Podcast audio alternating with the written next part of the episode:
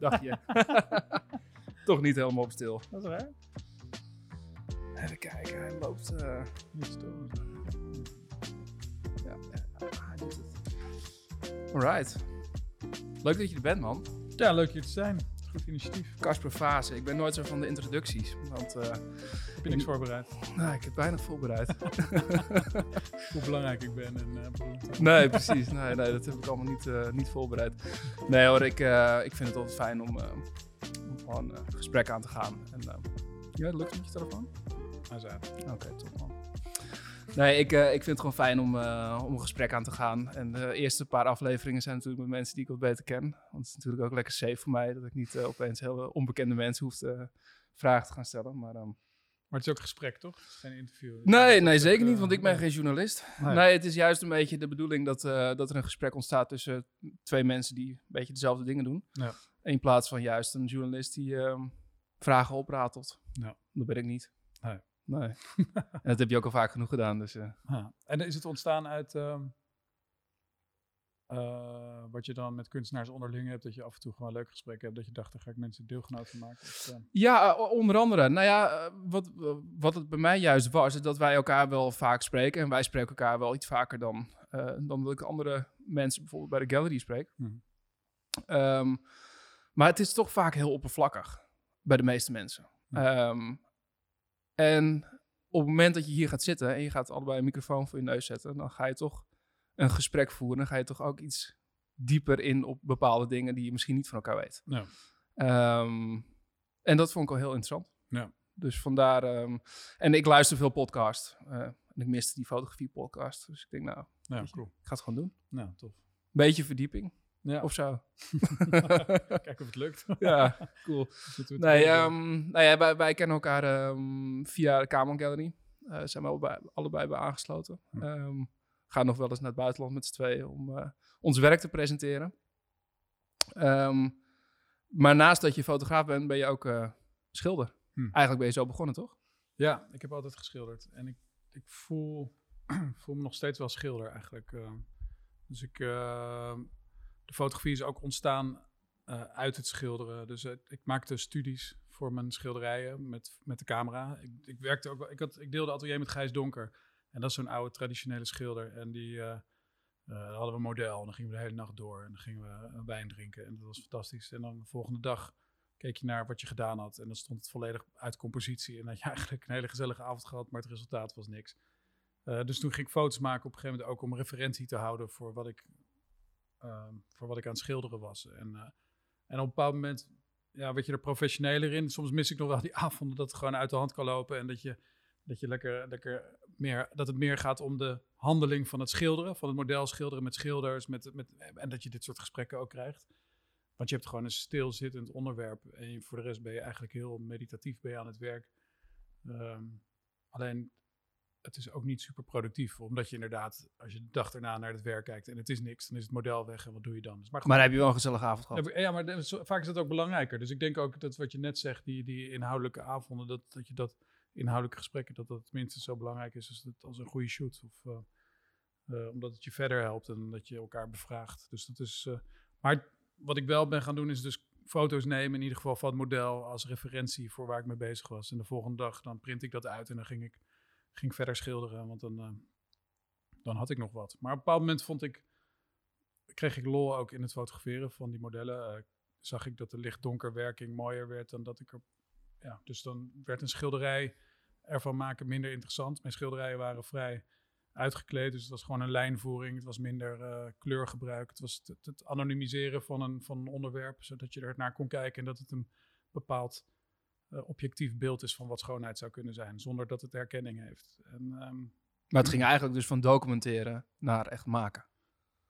Ehm, Want nee, je documenteerde het eigenlijk om later nog te gaan schilderen. ja, Maar op een gegeven moment kwam je erachter dat je het eigenlijk zo leuk vond dat Ja. het eigenlijk het belangrijker werd dan. Ja, en ik ging het printen en op een gegeven moment was de licht-donkerwerking bijvoorbeeld interessant. En dan eh, kon ik daar niks mee in mijn schilderijen. En toen dacht ik, ja, dan wil ik, ik wil toch iets met die foto, want ik vind het een autonome kwaliteit hebben. En eh, toen ben ik het gaan printen.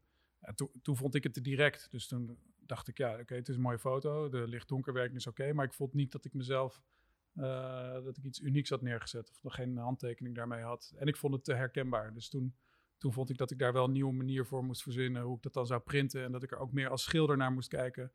Voordat ik het zomaar op zou hangen eigenlijk.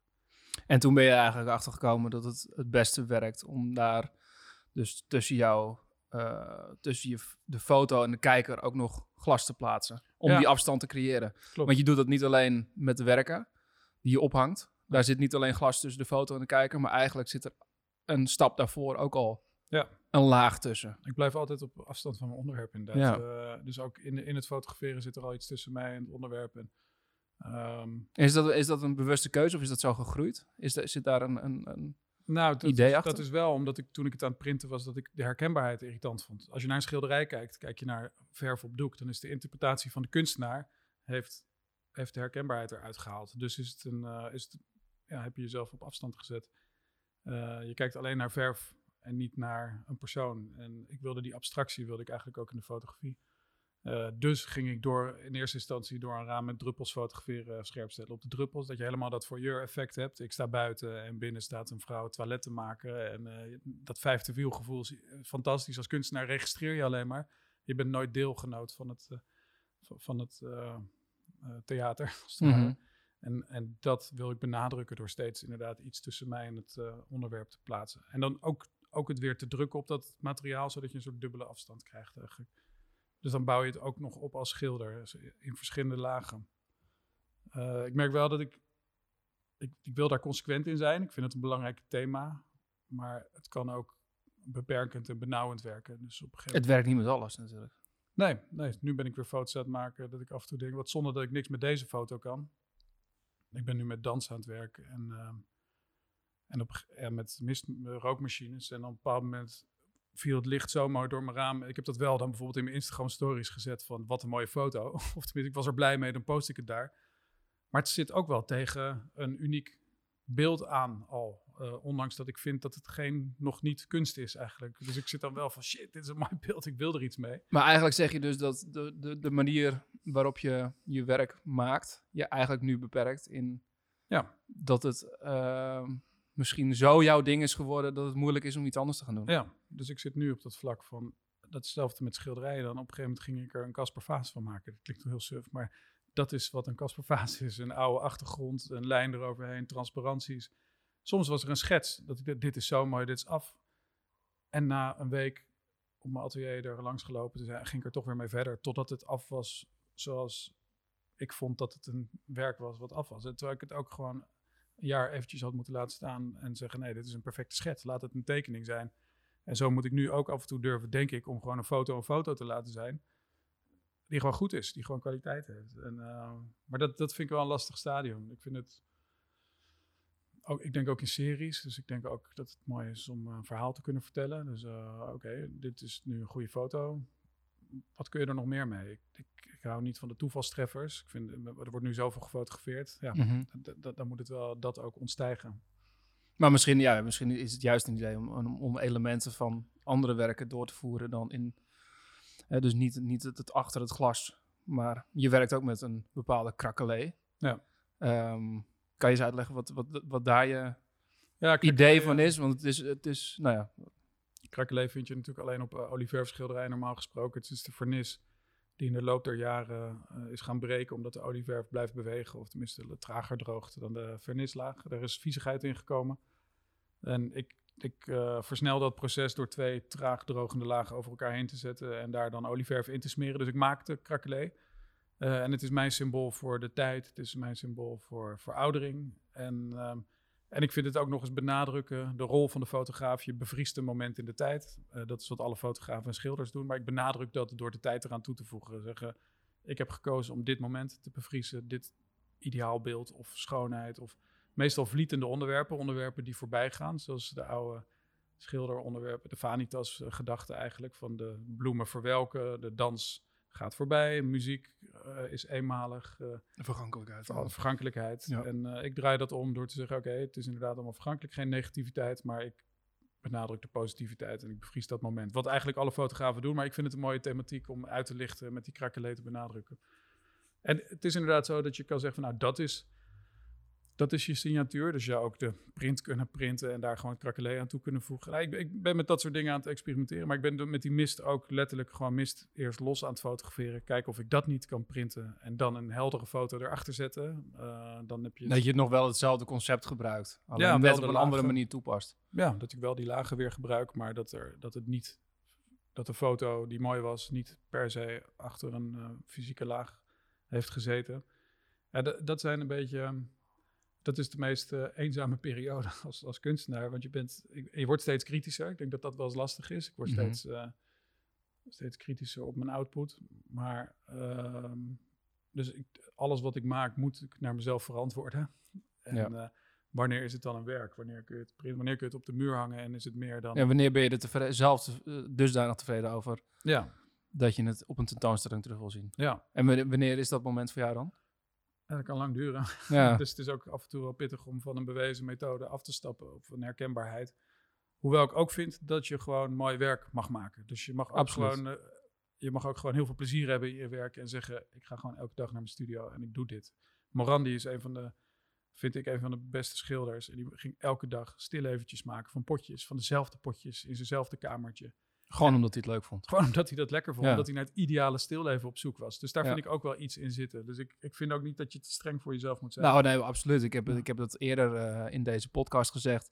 Dat ik het juist belangrijk vind dat, dat je lol moet hebben in wat je doet. En dat het helemaal niet erg is om gewoon dingen te maken omdat het mooi is om dingen te maken. Ja. Um, jij bent heel erg bezig met series, seriematig werk. Dat doe ik ook wel, uh, maar wel minder. Uh, voor mij is het juist die toevalstreffer. Hm. waar ik naar op zoek ben. En voor mij is het juist dat het ehm, op me af moet komen, op mijn pad moet komen. Ehm, maar daarnaast werk ik heel veel gewoon voor mezelf, omdat ik het gewoon te gek vind om te fotograferen, om te maken. Om weer achter mijn computer te kruipen, om weer een nieuw beeld te maken. Maar de laatste werken die je hebt gepresenteerd zijn wel uit Mukono of zijn wel ja, dat zijn dan dat zijn eh. uitzonderingen. Maar ook die projecten kwamen weer op mijn pad. Ehm, heb ik ook niet vanuit een eigen beweegreden gedaan. Caravan kwam via de Venture van Vlissingen Art Foundation, die dat mij, uh, die dat mij aanboden eigenlijk om die reis te maken. Mukono werd vanuit Marie Stalamaris uh, georganiseerd. Werd ik door, gevraagd. En eigenlijk ben ik dit jaar, uh, in oktober, voor het eerst um, dat ik echt een project ga doen waarvan ik denk dat ik hem moet doen. Hm. Um, en daar, daar, daarom ga ik naar Nepal, omdat het voor mij een soort van droom was om, om daar langere tijd in de bergen te verblijven.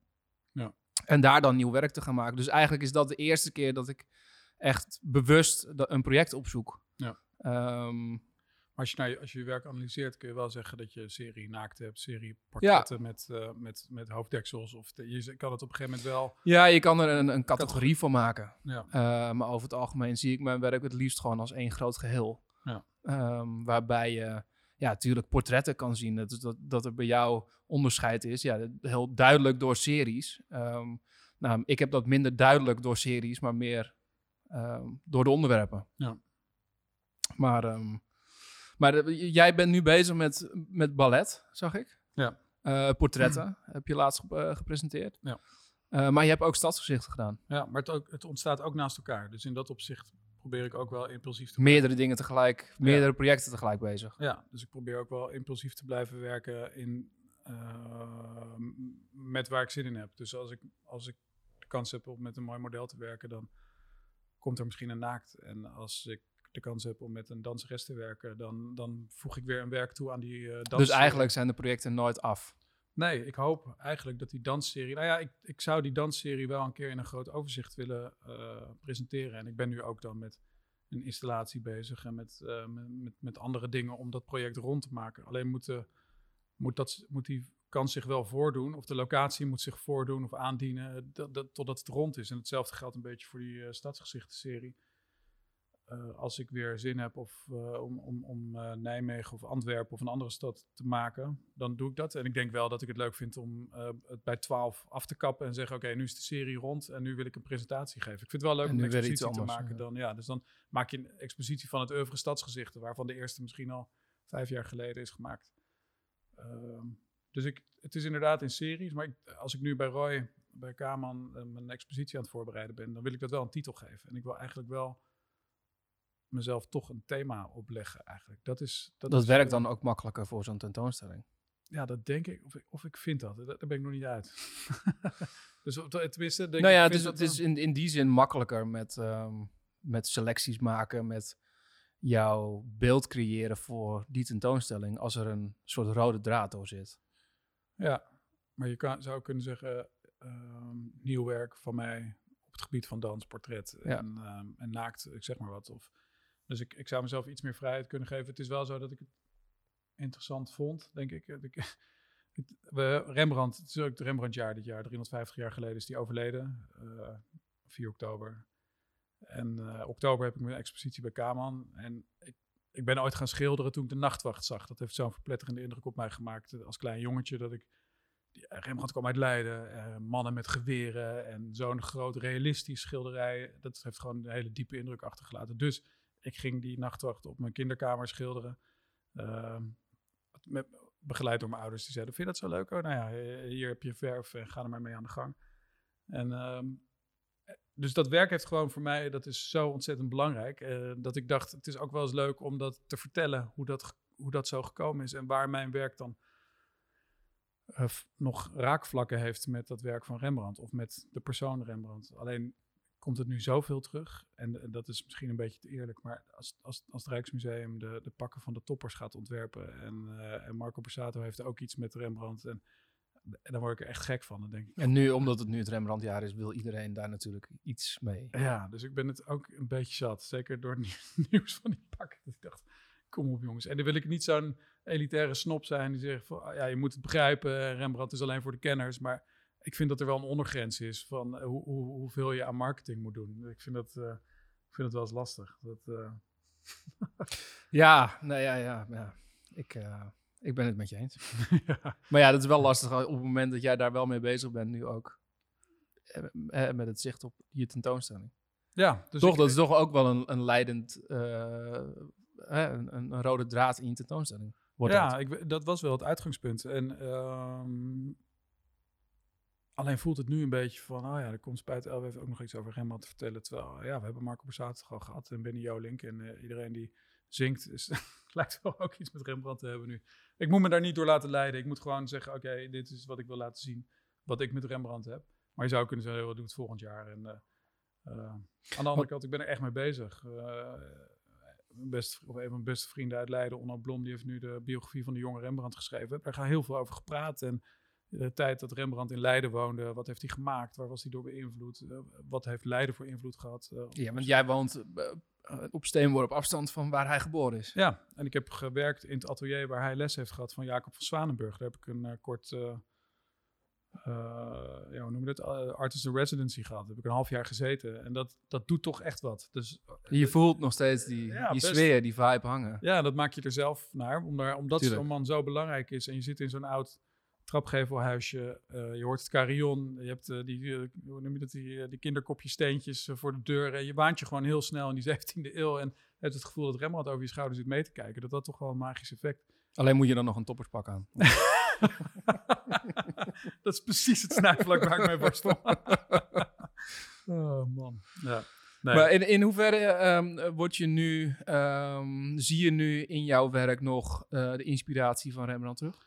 Ja, dat, dat kun je afvragen. Ik, eh, ik denk dat er eerder ook wel verschillen aan te wijzen zijn. Maar het is wel zo dat ik toen ik in dat atelier zat, ben ik bijvoorbeeld naar het portret gaan kijken. Ik maakte nooit uitsneden, dus ik wilde altijd figuur volledig in beeld hebben.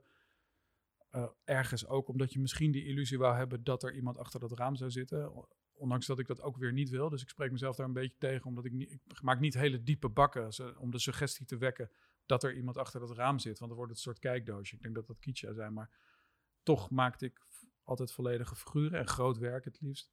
Eh, dus ik ben uitsneders gaan maken, ik ben naar die kleuren gaan kijken, ik ben naar die lichtwerking gaan kijken. Dus in bepaalde werken zie je wel dat ik, eh, eh, ja, dat, dat, ik, dat ik daar meer naar ben gaan kijken. Maar het is niet zo dat ik, ik, ik ben door hem gaan schilderen. En ik ben door hem dingen gaan maken en dingen gaan verwerken. Dus dingen die indruk op mij maakten, ben ik gaan tekenen en gaan schilderen en eh, verwerken tot, tot Dus het zit eigenlijk al in je DNA als, als maker. Ja, daar is, het, daar, daar is het het meest belangrijk geweest. En als Ja. je dan vervolgens, dan, toen ben ik gaan graven in die kunstgeschiedenis en in die 17e eeuw en de 17e eeuwse schilders. En is Jan van Gooyen misschien van grotere invloed geweest, die stadsgezichten maakte, waar, waardoor ik die stadsgezichten ben gaan doen. Misschien is, eh, eh, nou ja, daarna Morandi of, eh, of, eh, ja, de, de Heem met zijn bloemstillevens. Misschien zijn die wel belangrijker in directe invloed qua onderwerp. Maar toch blijf je terugkomen op Rembrandt, omdat je daar ooit begonnen bent. Ja, ik denk dat het ook wel zo mooi zou zijn als ik die expositie gewoon open met een zelfportret in de trant van Rembrandt. Niet met een kraag, maar wel gewoon door de lichtwerking en de kleur en enigszins traditionele pose. En te zeggen, vanaf Rembrandt ben ik gewoon die schilderkunst gaan ontdekken. En dan daar, dan geef ik mezelf wel iets meer vrijheid. Want je hebt al een keer een zelfportret gedaan, hè? Ja. En die wil ik daar wel, uh, denk ik, presenteren. Ja, moet even kijken. Uh, ik heb nu een nieuwe lijst gedaan. Vond ik wel leuk. Ik heb een aantal oude lijsten gekocht. Uh, dus daar heb je ook weer de referentie wat ik met krakelé ook heb. Dat je een oude 17e eeuwse lijst hebt. lekker afgebrokkeld. En um, dat daar de vergankelijkheid in zit. En niet dat ik nou zo'n schoonheid ben, maar er zit wel het pure en het effe afgezet tegen zo'n krakelé-lijst. Dat vind ik wel mooi. En dan zit ook die krakelé ook nog gewoon in het werk. Ja, dat hou ik wel. Dat is een soort ja. dubbelop, maar ik vind dat toch wel prettig. daar hou ik wel aan vast. Ja, dat hoort er ook wel bij. Ja. Anders wordt het misschien de, de, de oppervlakte te clean. Snap je wat ik bedoel? Ja, ik denk het wel. En ik, ja, daar, daar moet iets in zitten. Iets schilderkunstig in zitten. Ja, ik denk dat het ook iets is wat herkenbaarheid geeft. En um, ja, dat, maar dat zijn afwegingen. Dat zijn vragen die je zelf stelt, uh, die je zelf moet stellen. Van heb ik dit nou echt nodig? Uh, of is het beeld zelf sterk genoeg? Sterk genoeg? Ik denk dat ja. jij dat ook hebt. Uh, je bent het in je computer aan het wegwerken en, en achtergronden sterker maken of filters aan het gebruiken. En, en dan vraag je af, ga ik nu een Bastiaan Bout maken? Of denk ik dat, dat het bij jou hetzelfde geldt? Mm -hmm. Van, ben ik nu uit zekerheid, omdat het krakelé voor mij werkt, dit aan toepassen? Of is het inhoudelijk nog zo? Als ik een schedel fotografeer, zit er vergankelijkheid in het onderwerp. Moet je dan ook nog weer die vergankelijkheid aan de voorkant tonen? En tot nu toe doe ik dat wel. Ja, om het const uh, constant te houden. Ja, ook omdat ik me daar gewoon heel prettig bij voel. Misschien ook weer omdat ik dan... Maar dat is dan je comfortzone? Dat is de comfortzone. Dus daar, ben je, daar, moet, je, moet je op... Ja, daar moet je jezelf bevragen. Is het nu nog nodig? Is die krakelé nodig om een verhaal te blijven vertellen? Of is het nu iets waar ik aan vasthoud omdat mensen dat interessant vinden dat de kunstenaar nog aan, iets aan gedaan heeft? Want als um, je, je zegt net van nou, soms maak ik, maak ik beeld wat misschien zo goed is op zichzelf staand dat het um, misschien de moeite waard is om dat uh, op die manier te presenteren. Ja dat je, dat je net binnenkwam, dat ik aan je vroeg, uh, hoe gaat het? Zei, ja. ja, nieuwe dingen aan het proberen. En dat is altijd, altijd kloten eigenlijk. Ja.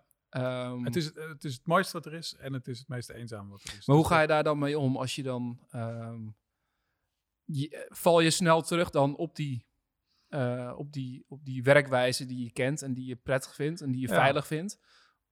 Of test je heel veel nieuwe dingen en uh, laat je het staan en kijk je ernaar en, en uh, oordeel je pas later daarover? Met schilderkunst is dat natuurlijk makkelijker, omdat je gewoon in je eentje op je atelier met verf kan smijten en dan kan zeggen, dit was mijn experiment. Maar ja, je, je schildert hem, schildert hem een keer over. Ja. ja, en als je model hebt, moet je van tevoren wel bepalen of je er door iets ergens doorheen gaat fotograferen of niet. En het stomme, ik had Chloe Albaret, wat een van de beste dansers van de wereld is, zit bij het uh, NDT en dat is gewoon en ik had bij haar gewoon een ander idee dan dat ik er achter mijn matte materiaal moest fotograferen. En dan ben ik extreem gespannen, twee dagen van tevoren ook al van, jezus, waarom moet ik nu, nu ik de beste danser van de wereld bijna op Ja, don't fuck it up nou. En nu ga ik zitten experimenteren, nu ga ik met rookmachines zitten kloten. Maar dat is juist dan misschien het ja, het was, ik kon gewoon echt op dat moment niet anders. En uiteindelijk uh, ben ik blij dat die samenwerking zo was dat zij het ook heel interessant vond dat ik een dimensie weg wilde halen uit wat je ziet. Dus ik, ik haal een... Uh, ja, je haalt de diepte weg. Omdat je het, uh, en op wat voor manier je dat dan ook doet. Dus zei, ja, laten we dit doen en dat doen. Dus gelukkig bleef het niet bij een eenmalige shoot. Kan ik er vaker vragen. Maar er zijn nu best wel wat dingen uitgekomen die weer richting Maybridge gaan of zo. Dat je zegt, uh, oh, wacht even, die bewegingen en dansen. En we kunnen dat op een andere manier. Dus we zijn samen ook weer tot ontdekkingen gekomen, gelukkig. Dus ik ben blij dat ik dan wel ook met haar gewoon het experiment ben aangegaan. Juist op dat moment. Misschien ja. juist goed. Anders had je misschien weer teruggevallen op iets wat veilig was. Ja. En, en had je het, misschien uh, iets gemaakt wat ook mooi was, maar wat misschien net niet je dat, dat, dat, dat uh, schopje geeft richting iets anders. Ja, ik geloof dat je het echt voor jezelf moet doen. En, dan, en ja. jezelf verrassen is wel een van de mooiste beloningen die je zelf kan geven. Dus dat... dat ja, nou ja, dat, dat is uh, wat, wat ik al eerder zei. Um, ik, ik ben daar helemaal niet mee bezig. En dat vind ik juist, dit vind ik juist het fijne ja. aan werk maken. Ik laat me altijd verrassen op het moment. En uh, heel vaak komen daar dingen uit die vreselijk zijn. Of niet goed genoeg zijn. Ja. Maar juist die, die die enkele pareltjes die er wel tussen zitten, die je van tevoren niet had kunnen voorspellen, Ja. die zijn juist op dat soort momenten gemaakt. Ja, maar dat, dan, dan met, met het risico dan kritisch over te, over te komen, maar dat, is, dat bedoel ik dan niet zo. Maar dat is, ik denk dat wij wel dichter bij elkaar zitten. Dat mijn matte waas jouw zwart-wit eh, Ja. eh, contrastfilter bijvoorbeeld is. Tuurlijk. Eh, en in dat opzicht zijn we binnen, binnen een bepaalde herkenbaarheid zijn we werk aan het maken. Maar dat is, dat is uiteindelijk je handtekening, dat is je signatuur, waarbinnen je werkt. Ja. Ehm, en wij zijn natuurlijk redelijk gebonden aan welk medium we gebruiken. We fotograferen digitaal. Hm. Dus uiteindelijk, jij print op andere materialen, ik print op papier. Hm. Ehm, maar het is niet zo dat we opeens nu ehm, beelden gaan maken. Of, Nee. Snap je? Eh, Nee, maar in dus, dat opzicht is het toeval bij jou eh, een, net in zozeer het, in aanwezig. het, in eh, het beeld zelf. Ja. ja. Maar of, dat, dat, daar werken we ongeveer vergelijkbaar. Het is niet dat ik het toeval niet toe wil laten. Het is, bij elke shoot gebeurt er iets. Mhm. Ehm, alleen eh, vind ik binnen die serie van die afstand dat ik daar, ehm, ja, dat ik, dat ik, ik, ben, ik ben nog niet klaar met dat verhaal. Dus eh, het is wel dat ik daar nog dingen wil proberen en dat ik nu beweging aan het toevoegen ben. Dus ik, ik heb wel het idee dat ik daar ook binnen, binnen dat, die herkenbaarheid nog dingen kan toevoegen. Maar in die shoot met die danseres heb ik een uur door materiaal heen geschoten. En daarna zijn we gaan klooien met rookmachines en dingen. En, eh, en zijn we veel langer bezig geweest dan dat we hadden afgesproken. En dat was fantastisch. Dus dat is. Maar als je zegt je wil beweging toevoegen in je beeld, betekent dat dan toe, eh, beweging in je, stil, in, je, in je stil? Ja. Of ben je ook bewegende beelden aan het maken? Ik ben ook bewegende beelden aan het maken. Ja, dus daar, dat is die installatie waar ik het net over had. Dus ik wil dat ehm, verdwijnen en verschijnen. Wat dus ook een derde thema is. Dus je hebt de vergankelijkheid. Eh, eh, het abstraheren, dus de herkenbaarheid eruit halen. Maar met dat abstraheren ben je ook gelijk eh, ehm, met verdwijnen en verschijnen bezig. Dus of iemand is weg of iemand is dichtbij. En ik heb al eerder in het Sieboldhuis een film gemaakt met een bewegende geisha-danseres die naar je toe komt, herkenbaar is en van je afgaat. Dus je laat Ja, eigenlijk zien... nou, die, die techniek heb ik dan één keer nu zo gedaan. En ik wil er eigenlijk een kubus van maken waar ze, waarin gedanst wordt. Want het werd ook anders geprojecteerd, hè? Ja, van de achterkant. Het werd van de achterkant geprojecteerd. ja. Ja Dus je vond ik echt gek. Thanks. Ja, ook omdat je het, echt het idee had dat je naar, eh, naar jouw werk zat te kijken. Ja, Het, werd, het was verticaal. Ehm, en als ik me goed herinner, had het dezelfde om, omkadering ook. ja. En Dus het was eigenlijk jouw werk. Ja. Als in eh, het werk wat we van jou kennen. Ja. Alleen dan in een bewegend beeld. En dat is zo fucking lastig. Ja. Eh, ik ben zelf ook met bewegend beeld maar en ik, ik, ik, ik vind het niet. Ik vind het nog niet. Nee.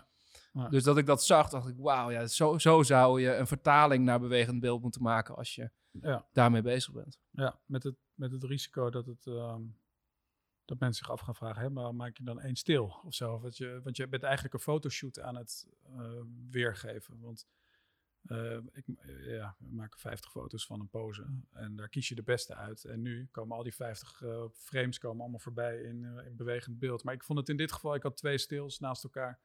En dan in het midden een beeld wat verdwijnt en verschijnt. Een eh geisha-figuur, een dansende Japanse eh, en bloesem die viel. Dus het was ook de samenvatting van de hele expositie. Vallende bloesem, Mono Noir is het Japanse thema voor Vanitas. Dus het was, het was eigenlijk perfect. Het, het golvende, het eh, vloed, eb en vloed. Het, eh, eh, het ja, verstrijken van de tijd. Het mooie dichtbij komen en het weer weggaan. En, en dat thema, daar wil ik meer mee doen. Dus da- dan wil ik mezelf niet als puur fotograaf zien. Want ehm, Dan is dat, dat, was, het- dat was het Siebold, Sieboldhuis. ja, Japan Museum Leiden. Ja. Ehm, hoe ben jij, ehm, want dat, dat heet dan officieel op jouw website jouw Asia-serie. Ja. Hoe ben je in die Japanse eh, sfeer terechtgekomen? Ja, dat was wel weer een, toewerkend naar een expositie bij Roy. En dat ik eh, me af ging vragen, waar, waar is mijn werk? Hoe is dat te omschrijven? En waarom heb ik zo'n fascinatie bijvoorbeeld voor Japanse prentkunst? En die, die vragen kwamen een beetje samen. Dat mijn werk vrij L, L is en eh, ehm, helder en houten omframed, transparanties. Dus daar zit een aantal architectonische elementen in die je in de Japanse cultuur ook veel ziet. F- fragiele, dus de Japanse prentkunst. Eh, je kan er niet aankomen of het is weg. Het mag niet in de zon hangen, dat soort dingen. Eh, dus er zit ook een soort vergankelijkheidsthematiek in.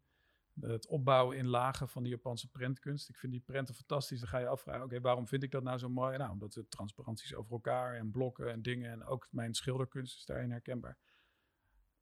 En ook de stilte die ik met mijn werk wil. ehm, ik wil dat het stil wordt, dat het zuigt eigenlijk. Dat matte, witte, dat... eh, dat en ja, toen dacht ik die titel Seisui, een soort rust, diepe wateren. Laten we, laten we gewoon ja, dat eraan koppelen. en eh, kijken of ik niet meer. En to- toen heb ik nog niet alleen maar kimono's en bloesems eh, opgehangen. Maar naar aanleiding van die expositie heeft het Sieboldhuis toen gevraagd of ik wat meer wilde concentreren ook op die onderwerpen. En een tentoonstelling rond Kunisada. Dus toen ben ik echt naar bloesems gaan kijken, kimono's gaan gebruiken en iets nadrukkelijker Japanse modellen gaan opzoeken. Dus toen werd het echt duidelijk herkenbaarder Aziatisch. Ondanks dat ik al het gevoel had dat het in het werk zat zonder die kimono's te gebruiken. Maar je bent ook niet naar Japan geweest. Ik ben er één keer kort geweest. Oh, je bent er wel geweest. een ja, ja. ik ben heel eerlijk. Hè? Maar te kort om echt eh, cultuur te proeven. Ja. Eh, Je hebt er geen werk gemaakt. Nee. Zou je dat willen doen? ja, ik, ik wil er wel heen. Ehm, langer. Eh, komt ook omdat ik met Martijn van Ibasho laatst in New York was met een kunstenaar van hem uit Kyoto. En veel over die, die cultuur gepraat. En ik denk dat mijn werk, ehm, eh, wat ik heb gemaakt, is, is, is, is ook eh, gerelateerd aan een fantasie. En niet zozeer wat daar misschien feitelijk is. Misschien als ik daar kom, is die rust er helemaal niet. Misschien is het wel gewoon chaotisch en is het veel verder terug. Misschien verlang ik wel naar een tijd, 100 jaar geleden, dat er een bepaalde introspectie was en theeceremonies en een rust die ik daar nu helemaal niet vind. Dus ik, ik, ik heb het ook gewoon misschien van het Japonisme van, van wat Van Gogh toen had gezien van de prenten. Dat je denkt, ah, dit is, dit is Japan, ondanks dat je het niet kent. Je projecteert er een fantasie op. Misschien is dat wel mooi. Dat je een- Maar is, is het zo dat je juist dat eh, ontwijkt dan? Dat je zoiets hebt, laat mij maar in die fantasie zitten, dat het dan zo is? Nee, dus ik, ik, ik, ik poneer het ook niet als waarheid dat ik er niet naartoe moet. Ik, ik, misschien dat ik het als excuus verzin dat ik er niet geweest ben. Maar ik denk dat het niet mijn werk heeft geschaad dat ik er niet geweest ben. Omdat ik gewoon vanuit die fantasie ben gaan putten en die prentkunst heb. Dus ik heb het vanuit de kunst en vanuit mijn beeld van Japan ben ik die dingen gaan maken. En ehm, Ja, dat was jouw referentie op dat moment. ja, Ja. En ik, wilde er, ik wil er wel naartoe om te kijken of het klopt. En ik wil ook er wel naartoe om, om nog dieper te graven. eh, omdat ik denk... Ik heb het dus heel impulsief gemaakt. Eh, eh, Mhm. Dus dat is fijn en dat is prettig. En ik denk dat je werk ook zo zou moeten maken. Maar het is wel goed om te toetsen. Of, en ik zou ook heel veel kimono's willen kopen daar. En ik zou ook heel veel... Nou ja, wat, wat ik, wat ik, ik ben er geweest eh, afgelopen jaar Ja. Om eh, bij Ben Rido mijn, eh mijn, mijn nudebox te laten Ja. printen. Toen zijn we daar een week geweest en ehm, ja, een stad blijft een stad. Ja. Eh, maar al ga je een beetje daar naar buiten, of je gaat meer naar het noorden of naar het zuiden toe, heb je natuurlijk meer die rust. Ja. Ehm, en wat jij natuurlijk hier niet kan maken, wat je daar prachtig kan maken, zijn natuurlijk landschappen. ja, landschap zou perfect zijn, Ehm, ja. Want dat, doe, dat doe je ook. En dat doe je ook op die manier. Toch? Ik, ik kijk wel of de elementen, eh, de natuurlijke elementen dan eh, op die dag zo zijn dat, dat je daardoor het zicht ontnomen wordt. Dus dat Ja, je, als er mist is. als er mist is, ja. inderdaad, of overbelicht, of gewoon kijken of je daar weer een dimensie mee weg kan halen. Maar je, je sleept niet een hele grote glasplaat mee. nee. Maar ik merk wel dat ik nu in, ehm, in bewerkingen ook het zicht kan wegnemen. En soms is het ook niet. Ja, ook daar, ik heb landschappen gemaakt die wel zichtbaar zijn. En die heb ik toch ook gepresenteerd en opgehangen. En die li- lijken in die serie gewoon prima mee te kunnen gaan. Dus da- dan heb ik mezelf wel de vrijheid gepermitteerd om, om niet de aanschouwer op afstand te plaatsen. Maar door gewoon de manier van het werk maken. Presenteren ook. de manier ja. van presenteren, om daar die afstand in te creëren. Zoals die boom die in de, Ja. in de mist Ja. gaat of iets. Maar eh, heb jij daar landschappen gemaakt? Of heb je er geen tijd gehad? Nee, wij, wij, wij waren daar echt bezig met, met die prints. Eh, en eh, voor mij was het heel belangrijk dat, dat als die prints gemaakt zouden worden, dat we daar ook heen zouden gaan en we zouden het zien. Ja. Ik wilde dat proces zien. Dat is het hele color-type proces. Ja. Is waanzinnig om dat mee te maken. Toen kwamen we daar aan in dat atelier. Ehm, en toen eh, gaf ik bij hun aan van ja, weet je, we zijn hier nu en ik wil het heel graag fotograferen en filmen. Hmm. Eh, waarop zij zeiden van ja, we bestaan al 150 jaar. En nog nooit heeft iemand dat hier zo vastgelegd. Oh ja. Ehm, dus dat was heel bijzonder. En Hmm. daarom ging mijn volledige focus naar het maken van dat filmpje, van hoe dat hele proces in elkaar zat. Ja. Eh, en, ehm, en het fotograferen van de, ook de mensen die die prints maken. Ehm, want uiteindelijk heb ik hier dan een box met prachtige prints. Ehm, Maar we hebben ook een boekje erin eh, gestopt. Het boekje ligt daar naast je. Eh, met, ehm, met portretten van de mensen die daadwerkelijk die prints maakten. Ja. Ehm, ook om hun ja, ja, die eer toe te doen. Hè? Ja. Dat, dat, eh, dat, dat zij diegene zijn die dat... Hè, de master printers daar, die daar al 40 jaar lang werken... en niks anders doen dan die prints maken. Ja. Ehm, ja, dat is echt vakmanschap. Ja. En ehm, Maar dat is ook de reden dat je er naartoe bent gegaan. dat is uiteindelijk, ja, zeker. En, en, en zij zijn het enige atelier die dit op, op deze manier doen. Hm. Eh, en als zie je de prins in het echt, ehm, ja, dat is, dat is ongelooflijk. En eh, ja, dan geeft het een extra dimensie als je daar geweest bent. Ja, natuurlijk. Ehm, dus vandaar dat we daar in Kyoto waren. Om, eh, testprints te maken en dat soort dingen moest je ook niet keuren? Of de zwart Ja, ja, zij zorgde ervoor dat op het moment dat wij daar waren, eh, mocht ik één beeld uitkiezen waarmee ze testprints gingen doen. Want je moet je voorstellen, om één testprint te maken, ehm, maken zij al zeven testprints voor de testprint. Ja. Die mensen zijn zo nauwkeurig en zo perfectionistisch in wat ze doen. Ehm, uiteindelijk hebben we ook een testprint meegenomen eh, bij hoge uitzondering. Eh, waarbij ik de masterprinter moest beloven eh, dat aan iedereen die ik die print liet zien, erbij te zeggen dat dit nog maar een testprint was. Want ze zeiden van ja, die, de, de echte prints die in de box komen, die worden nog veel beter. Nee, En ja. ik vond dit al waanzinnig. Ja, ja. Dus ehm, daar, die beleving is heel anders daar. Ehm, Ja. En, en puur vakmanschap. Maar weet je, eh, dat, dat, dat, dat slokte zoveel tijd op. Eh, en ik vond het zo te gek om daar mee bezig te zijn. eh, Dat we voor de rest niet zo heel veel gezien hebben van Japan. Nee. Ehm, maar Kyoto is, is een, waanzinnige, een waanzinnige stad. Ja, najaar staat het op de planning inderdaad. Ik denk trouwens niet dat het voor mijn werk een atelier is om iets te doen. Eh, Nee, dat denk ik ook niet. Ik denk dat, het, ehm, dat dat niet werkt. nee. Nee. Ik ben wel bezig met een, met een boekje dan meer. Dus dan, eh, ik had net over dat Maybridge. Dus als je Maybridge, is, dat die studies naar bijvoorbeeld paarden of lichaam of beweging en dingen naast elkaar zetten. En als je dat met dans zou doen, dus één boekje over één beweging of zo. En dan die transparanties, daar zit ik wel. kijken. Ja, want dat, dat is nog iets. ehm, een, een, een, een van de leukste onderdelen van, van wat we doen, vind ik, het maken van boeken. Ja. Verzamelboeken. eh, jij volgens mij ook. Ja. Ehm, maar het is volgens mij voor jou vrij lastig om een boek te maken, of niet? Ja, klopt ja. De, of tenminste, het is niet onmogelijk, maar het, het vergt natuurlijk veel meer, ehm, veel meer denken over Ja. hoe je het gaat presenteren. Want de, de, de, de kracht ook van jouw werk is natuurlijk het fysieke object Ja. aan de muur.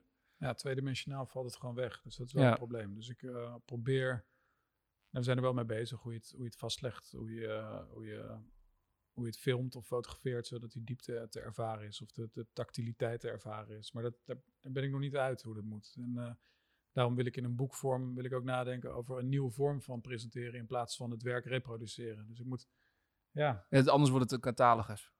ja, maar wat, wat, wat ook niet helemaal werkt. Omdat de catalogus de werken ook niet helemaal doen wat ze moeten doen. Dus het is eh, soms, eh, ja, soms een beetje lastig. Maar goed, dat zal Maar ga, wacht je daarmee totdat je ehm, eh, voor je gevoel eh, meer klaar bent met de dingen waarbij je nu mee bezig bent? Of heb je zoiets van, nou, dat maakt dan voor de rest ook niet uit, want het is sowieso een soort van ongoing eh project. eh. Ehm,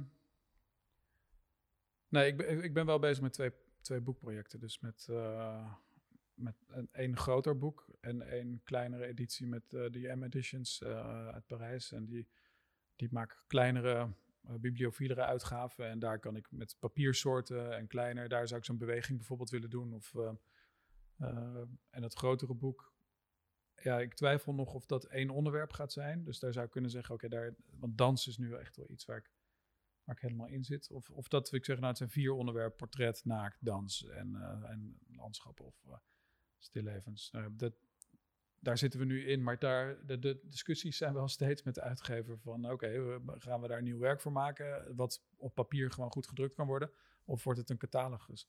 De catalogie die, uh, die Roy uitgeeft zijn natuurlijk hartstikke goed om gewoon steeds je nieuwste werk uh, uh, te tonen. Maar het mist weer die, die, die gelaagdheid van jouw werk. Ja, met Roy heb ik natuurlijk ook de discussie gehad van moeten de lijsten eromheen gefotografeerd worden? Ik vind van wel, omdat de lijst dan echt nog enigszins de diepte kan suggereren. Uh, ja, dan zou je hem eigenlijk al meer Ja, dan zijn we zo kunnen 3D uitlichten. dat, moeten eh, fotograferen, snap je? Ja. Meer ehm, van de zijkant moeten fotograferen om aan te geven wat, wat eigenlijk de bedoeling Ja, is. ja, Toch? Klopt, ja. Of schaduw op de wand. Of eh, schaduw, ja. Of dat soort dingen. Of eh, moet je toch wat trucken uithalen. Maar eh, nu, nu fotograferen we het met lijst en het geeft het enigszins beeld. Maar het lijkt ook dat mensen geïnteresseerd zijn in die boekjes nadat ze mijn werk hebben gezien. Dus dan weten ze wat het doet. Ja, dat is En ook dat- een reminder voor als ze het op een bus zien. Of, Denk ik, dan geef je Ja. een boekje mee, dan hebben ze het eh, ervaren en dan kunnen ze vervolgens zien wat er nog meer in die stijl gemaakt is. Maar een, een mooi boek in de boekhandel, dat zou ik natuurlijk ook wel heel erg leuk vinden. Of in een museumwinkel. En dat vind ik mooi aan fotografie. Zoals jij, ja, een fotoboek is ook een gesigneerd fotoboek, is ook een gesigneerd oeuvre. Dus ik vind dat voor fotografen altijd wel een heel mooi ding. En ik verzamel die dingen ook graag. Ik, ik hou ervan, van papier en hoe het. Dus ik, ik wil het wel heel graag, maar ik ben er nog niet uit in welke vorm. Dat is, eh, dat is nog lastig. Maar Misschien dat Maar dan is, het, dan is het ook lastig voor je website. Ik, heb, Ja. ik, ik zat to- toevallig vanmorgen even op je, op je website te kijken. Ja, Eh, en toen zag ik dat je een nieuwe website hebt. Ja. Die er echt te gek uitziet. thanks. Ehm, en ehm, daar zag ik inderdaad dat je het met, met, met frame ehm, Ja. eromheen eh, toont. Ja. Ehm, heel clean. Ja. Ik vond het echt te gek hoe, die, eh, hoe de letters verdwijnen en weer Ja. opkomen. Ja, die webbouwer is heel goed. En ik ga met die webbouwer ook mijn boek maken. Dus Marijn, dat is een jonge gast die zo creatief is. En daar hebben we dit soort gesprekken ook vaak mee. Gewoon ouwen en, eh, en, en, en het mag alle kanten op gaan. Van ja, is het niet zo dat en dit en dat. Dus ik, ik heb ook tegen die uitgever gezegd, ik vind alles prima als ik maar met Marijn over die, dat ontwerp. Dus ook gewoon het lettertype. Hij weet dat. Je moet bij mij een heel clean lettertype hebben. En, eh, de- en de omgeving moet rustig zijn. En, dus eh, ik probeer op mijn website ook met filmpjes eh, duidelijk te maken wat het werk is. Dus hoe het krakelé gemaakt wordt. Ik probeer... eh, ja, eh, belangrijk denk ik, ja. ja. Dus het, daar moet je het meer, ja, meer waard. Dat, dat bedoel ik. Maar het- per print is er gewoon meer energie zit erin dan. eh, en dat moet je ergens wel communiceren zonder dat het een eh, do-it-yourself kit wordt. Ja, want hoe, hoe, eh, hoe werken jouw edities? Ja, het, ik werk wel gewoon met editie meestal 7. Eh, maar ik zou ook kunnen zeggen dat monotypes zijn, omdat Krakelé steeds anders is. Maar ik, ik vind het eerlijker om te zeggen, omdat het beeld zo lijkt op het voorgaande beeld, dat je gewoon zegt, oké, met deze foto zijn zeven werken gemaakt. en vervolgens is het dan leuk voor de mensen dat elk Krakelé weer anders is. Ja, maar in principe van elk beeld zijn er zeven. Ja. Editie van zeven ongeacht. Ja.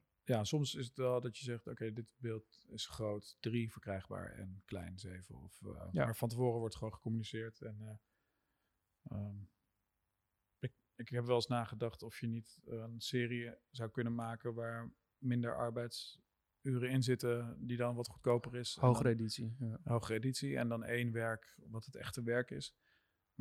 Het printen op papier is het gewoon niet. Dus dan is de hele dimensie weg. Dus dan, En maar jouw eh, visie valt ook weg dan. ja, dan valt de visie weg en dan is het, eh, ja, dus ik, dat, dat is prima zo. Dus gewoon één prijsniveau en eh vooralsnog voel ik me daar prettig bij inderdaad.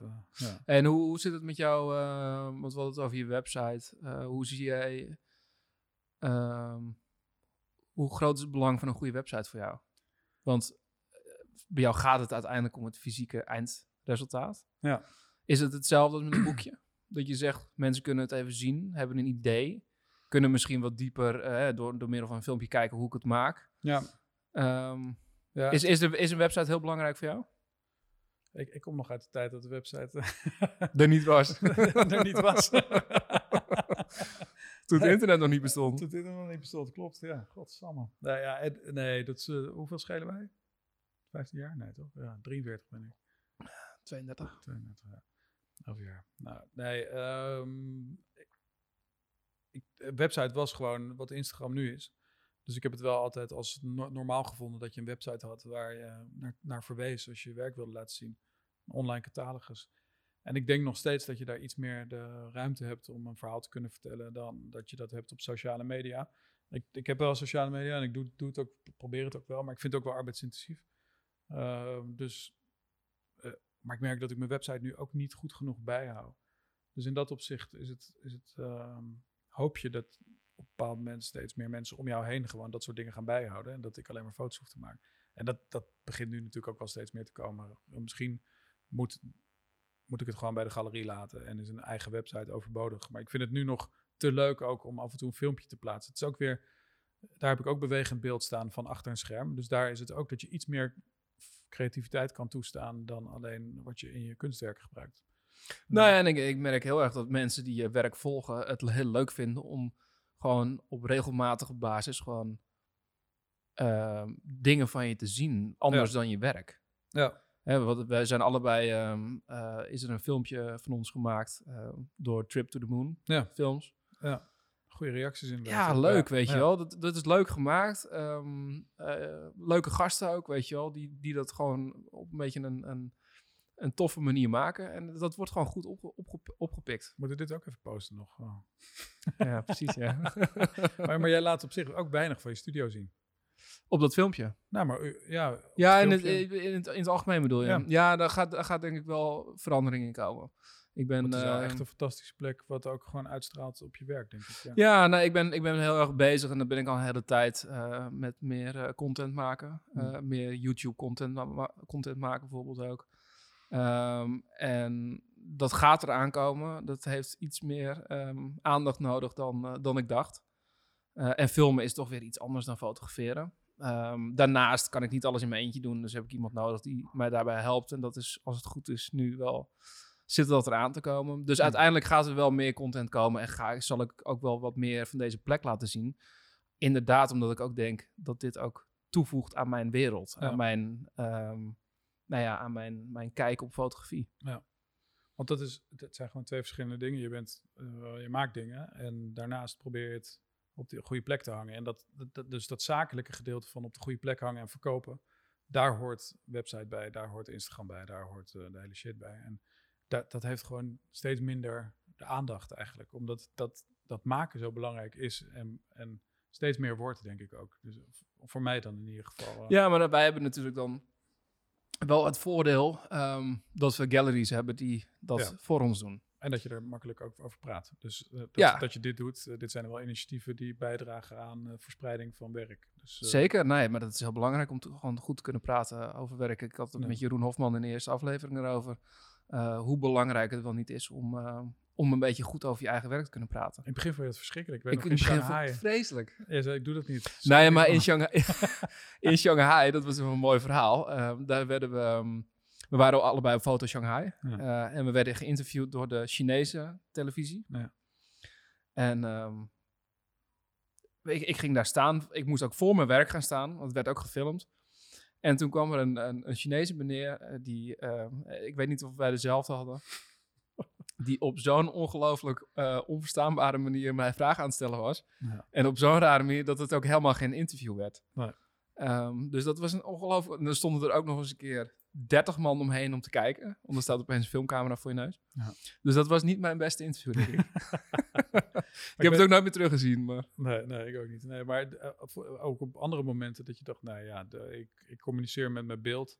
Alles wat ik erover zeg is secundair. Maar ik zie wel dat je steeds meer dat soort dingen doet. Eh, Ja, en ik, weet je, hoe vaker je dingen doet, hoe makkelijker het wordt. Hmm. Ehm, en ik ben heel erg van mening dat als je dingen niet kan, dat je het gewoon moet gaan doen. Hmm. En dat je het op die manier leert. En ehm, ik, ik, ik zie wel de waarde in van dit soort dingen. Buiten dat het leuk is om te doen, eh, denk ik dat heel veel mensen het ook fijn vinden om te horen. Dat het misschien inspiratie kan geven aan anderen. Hmm. Ehm, en, en, Hoewel gesprekken tussen creatieven trouwens altijd anders zijn dan dat je gevraagd wordt van buiten de creatieve wereld. Want Ja. wij hebben het bijna niet over, eh, over dingen die mensen misschien wel interessant vinden, denk ik. eh, over, over Ja, maar goed, weet je wel, eh, wat, dat is hoe we het gesprek begonnen. Dit, dit soort gesprekken krijg je niet door een Nee. journalist aan de andere kant eh, Nee. te zetten. Nee. En, ehm, Maar is het, eh, want eh, wa- eh, in het begin zei je, eh, was het echt een statement? Ik communiceer met mijn beelden. Eh, Ja. ben je dan daar inhoudelijk dan ook in veranderd? Dat je zegt, nee, mijn beelden worden wel degelijk versterkt als ik daar ook nog iets over vertel? Ehm, ja, dat denk ik wel. Eh, niet bij alles. En wat ik, wat ik bijvoorbeeld niet doe, is tech- heel technisch ingaan op beeld. Nee. Omdat het soms ook de, de, de romantiek van een beeld kan weghalen op het moment dat je vertelt hoe je het gemaakt hebt. Ja. Eh, tenminste, dat, dat werkt bij mij dan zo. Ehm, maar je kan wel praten over hoe dingen tot stand zijn gekomen. Of hoe, hoe dingen niet tot stand komen. Ja. Ehm, en uiteindelijk eh, doen we allemaal een beetje hetzelfde als fotograaf. Hè? We zijn allemaal met een camera in onze hand dingen aan het fotograferen. Hmm. De een doet het alleen op een andere manier dan de ander. En Ja. ik kan alleen vertellen hoe ik het doe. Ja. Ehm, en, en, maar dat, dat, dat geeft me ook meteen een reden om zelf heel goed na te denken over waarom ik bepaalde dingen doe. Ja. En waarom ik bepaalde onderwerpen kies. Ja. Eh, dus het is niet alleen goed om het naar de buitenwereld toe te kunnen vertellen, maar het is ook goed om het voor jezelf te vertellen, zodat je daarover na gaat denken. Ik heb laatst die documentaire over Armando zitten kijken, schilder. Nou, er komt helemaal niks uit. Ehm, en je denkt, dat is gewoon een Noorse gast. Maar in die documentaire liet ze ook footage zien tussen het schieten door, als het ware. En dan zegt hij, nu, nu moet je filmen. En dus hij was wel degelijk ook aan het manipuleren wat de kijker zag en niet zag. En dan was hij toch de kunstenaar aan het spelen eigenlijk op het moment dat hij... ehm, heb je dat? Nee, dit moet je niet uitzenden. En dan eh, zo, dus daar probeerde hij controle over te houden. Dus het leek wel ook een pose te zijn om niet over zijn werk te communiceren daar. Of pose. Eh, het is een keuze te zijn Ja. om niet over zijn werk te communiceren. Dus soms, soms kun je een, eh, een onkunde kun je tot een kracht soort draaien door te zeggen van weet je, nee, ik vind, ik vind dat het. Ja, en sommige kunstenaars die kiezen ervoor om helemaal eh, in de luwte te blijven. En helemaal geen website te hebben. bij Armando was het trouwens geen eh, onkunde, want het was een fantastisch dichter ook. Dus het is bij hem. eh, ja. Maar ik vind het, wat je zelf niet hebt, dat, dat waardeer je dan altijd heel erg in een ander. Dus ik lul veel te veel erover. En dan zit zo'n man daar heel nors en gedegen. En, Ja, er is voor allebei wel wat te zeggen. Maar ik denk dat als je in deze wereld, ehm, hè, door onze social media kanalen en door onze websites en door alles wat we hebben, ehm, we hebben zoveel mogelijkheden om jezelf goed te kunnen promoten en goed aan de wereld te kunnen laten zien dat ik, dit ben ik, eh, Ja. dit is wat ik doe. Eh, en ik denk dat je in deze tijd, ehm, nou ja, daar niet goed aan doet om dat niet te benutten. Nee. In ieder geval, je moet het in ieder geval kunnen. En of je het dan daarna doet, dat is dan een tweede, weet je wel. Ja, dat is waar. Die schilders hebben toen de tijd ook gewoon allerlei media gebruikt om hun werk wel te laten zien. En eh, het is nog wel eens makkelijk gezegd, maar die kwamen ook gewoon in de krant. En dat was het medium om het te communiceren. Dus het is niet dat ze er Dit is veranderd. En nu kan iedereen het zelf doen. Ja. Ehm, kijk, eh, vroeger eh, m- moest je voor zo'n gesprek naar de radio. Ja. En nu kan je het zelf opnemen. Ja, het is toch anders. Ja, dat is toch anders, ja. Hey, ehm, oh ja, op ter- terugkomend nog één ding op je, op, je, op je website wat ik me afvroeg. Ehm, ik zie op je website alleen maar fotografie. Ja. En ik zie één schilderij. Ja. Is dat een bewuste keuze? Ben je eh, zo van de schilderkunst afgeweken nu dat je alleen nog maar focust op fotografie? Of is of schilder nog wel een dusdanig groot deel van wat je doet? Ehm, ja, ik schilder wel nog. En ik, ehm, alleen heb ik het gevoel dat ik de dingen die ik op mijn website wil zetten of die ik wil communiceren, dat dat nieuwe dingen, ik wil nieuwe dingen communiceren. Dus, ehm, en ik merk dat ik in mijn schilderkunst nog niet die stappen heb gezet dat het los is gekomen van wat ik vier jaar geleden deed. De- daar vind ik het gewoon lekker om met regen tegen het raam te schilderen en mooie dingen te maken en gewoon verf te ruiken en echt met mijn vingers in de verf te zitten. En dat is dat is een pure primaire eh, handeling eigenlijk die ik dan mis, die ik gewoon die ik dan doe. Maar ik merk wel dat, dat ik met die schilderkunst niet een heel nieuw verhaal te vertellen heb. Ehm, en dat heb ik met die fotografie wel. En ik merk dat die fotografie ook. Dat geeft je, dus, dat geeft je nu energie dus. Ja, dat geeft me energie. Maar ehm, schilderen geeft me ook energie. Dus wat ik net zei, dat ik echt die verf mis. Dus ik, dat geeft me fysieke energie. Eh, maar met die fotografie heb ik het gevoel dat ik een nieuw pad aan het bewandelen ben. En dat ik echt een nieuwe beeldtaal aan het ontwikkelen ben. En wat dan meer de moeite waard zou zijn om, eh, om te tonen. Ehm, Maar er staan geen exposities op de planning met je schilderijen. nee, nee. Dus schilderijen komen wanneer ik...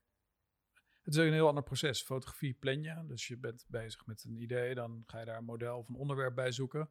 Eh, dan ga je op een bepaalde manier fotograferen. Dan ga je dat bewerken in de computer. En tussen al die momenten, dan breng je het... Nou, of dan ga ik het zelf printen. Eh, ik heb de mazzel dat ik op een grote printer kan experimenteren. S'avonds na kantooruren. Eh, dan ga ik daar weer mee werken. Dan ga ik naar de lijst maken brengen. Komt het terug. Dan pas zie ik of het gelukt is. En tussen al die fases ja, ben ik op mijn atelier. En dan heb ik ook een schilderplek. En dan ga ik schilderen. Ehm, dus het ontstaat naast elkaar. En het is dan, dan komt er weer een serie schilderijen. Omdat ik daar toevallig zin in had. En daar heb ik nog steeds wel galeries voor. Die, waar ik vroeger mee werkte. Die dat verkopen. En het, eh, daar is gelukkig ook nog vraag naar. Dus in dat opzicht eh, betaalt het ook mijn experimenten met fotografie weer. Dus het is ook... eh, Win-win. ja, het is een goede balans nu. Ja. En eh, alleen, inderdaad, kun je afvragen waarom ik het nooit communiceer. Op Instagram zet ik nooit een nieuwe schilderij.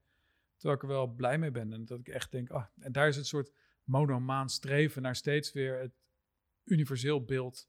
De nieuwe Maria Magdalena of... of, of, eh, Het is nooit goed genoeg. nee, en da- dat is wel... dat is wel een prettig streven. Dat is dat je elke dag opnieuw een schilderij zou mogen maken van, van het ultieme, van wat jij het ultieme vindt. Alleen merk ik dat ik daar iets minder um, experimenteerlustig ben dan, uh, dan in mijn fotografie. Dus ik ben maar misschien is dat nu wel een fase dan. Ja, zeker. Dus het kan ook zijn in die nieuwe werken. Dus ik heb nu allemaal airbrush, kit, airbrush kits besteld om die fotografie of die schildercapaciteit, uh, skills in te zetten voor mijn schilderijen. Dus ik ga nu een laag, wat, wat mijn krakelé was, ga kijken of ik daar mist kan maken met mijn schildertechnieken. Ja, dan kun je je afvragen op een bepaald moment, kijk nu naar een schilderij of foto. Uh, dus ik, ik wil ook eigenlijk mediumloos kunnen denken. Als film straks de overhand neemt, dan moet dat zo gebeuren. Uh, alleen uh, het schilderen, daar vind ik mezelf wel één bepaald werk, soort werk maken. Dat, dat, dat laat ik inderdaad minder zien, hoewel ik daar wel tien jaar mee bezig ben geweest. En veel mensen dat werk ook kennen of, of hebben in Nederland in ieder geval. Maar ik denk dat het ook te maken heeft met, met de waardering die ervoor is, voor de, voor de fotografie. Ik merk dat er gewoon, dat het opgepikt wordt, dat de ja, musea het kopen, dat het in, internationaal goed gaat, dat mensen het als een nieuwe beeldtaal zien. En dat ik daarom, er zijn nog bepaalde plekken waar ik wil hangen. Ik wil uh, naar het MoMA en ik heb het gevoel dat, dat ik dat met die fotografie beter bereik dan met mijn schilderkunst. En dat mijn schilderkunst daar misschien nog wel eens aan af zou kunnen doen ook, omdat daar gewoon een lekkere naïviteit in zit, die ik heel erg waardeer zelf, maar die de buitenwereld soms uh, een beetje ziet als misschien ja, iets anders. Of dat is een beeld wat ik in ieder geval zelf heb. Ja. En, en de commerciële kant, uh, als in uh, werk en opdracht, doe je helemaal niet, hè? Nee, nee. Is dat iets omdat dat je vindt dat het niet bij je werk past of dat het niet bij jou als persoon past? Nou, ik, ik, heb, het, ik heb het wel gedaan en ik werd er gewoon heel gefrustreerd van, omdat ik ehm, ja, je hebt dan de interpretatie van degene die geportretteerd wordt, bij wijze van spreken. Je hebt de interpretatie van mij. Um, ik kies bewust modellen of onderwerpen naar een, naar een stijl of een, uh, een gevoel wat ik, wat ik op dat moment wil uitdragen. En als je dan ineens met iemand aan de slag moet, wat je opgedrongen is, of zo ervaar ik dat dan. Ja, dan denk ik toch dat ik concessies aan het doen ben. En dan vind ik het een, een foto en geen kunstwerk worden. En uh, ik, ik, denk dat het nu een luxe positie is dat ik, dat ik elke dag naar mijn atelier kan fietsen en dingen kan maken die ik zelf wil. Dus zolang ik die positie heb en dat ik daar met vrij werk kan maken, ben ik daar blij mee. En ik snap wel dat als jij een model hebt uh, via een blad, dat daar ineens een hele nieuwe serie werk uit kan komen. Dus ik, en dat is toch een andere manier van werken. Maar ik snap wel dat het je ook nieuwe dingen kan brengen. Ja, ik denk dat mijn werk het ook meer toestaat om, uh, om werk in opdracht te maken. Ja. ik doe toch wel, um, bij mij gaat het, uh, zijn het toch meer portretten. Waarbij die gelaagdheid minder van belang is. Mm um, waarbij het werk in de opdracht dan makkelijker te maken is. En ik doe dat eigenlijk ook niet zo heel vaak meer. Wel redactioneel, wel magazinewerk. Um, wel bijvoorbeeld campagnes, als dat, als dat past bij wat ik doe. Ja. Dat vind ik heel belangrijk. En eh, jij zegt, uh, je bent in een luxe positie om het niet te doen. Uh, zo voel ik dat ook. Ik vind dat ik in een luxe positie zit om zelf te kiezen of ik het wel of niet aanneem. Ja. Ik hoef het niet aan te nemen. Ja. We hebben het er en, en dan gehad. Ik weet niet of dat, uh, nou, of dat nou per se nu, maar ik, soms vind ik het wel.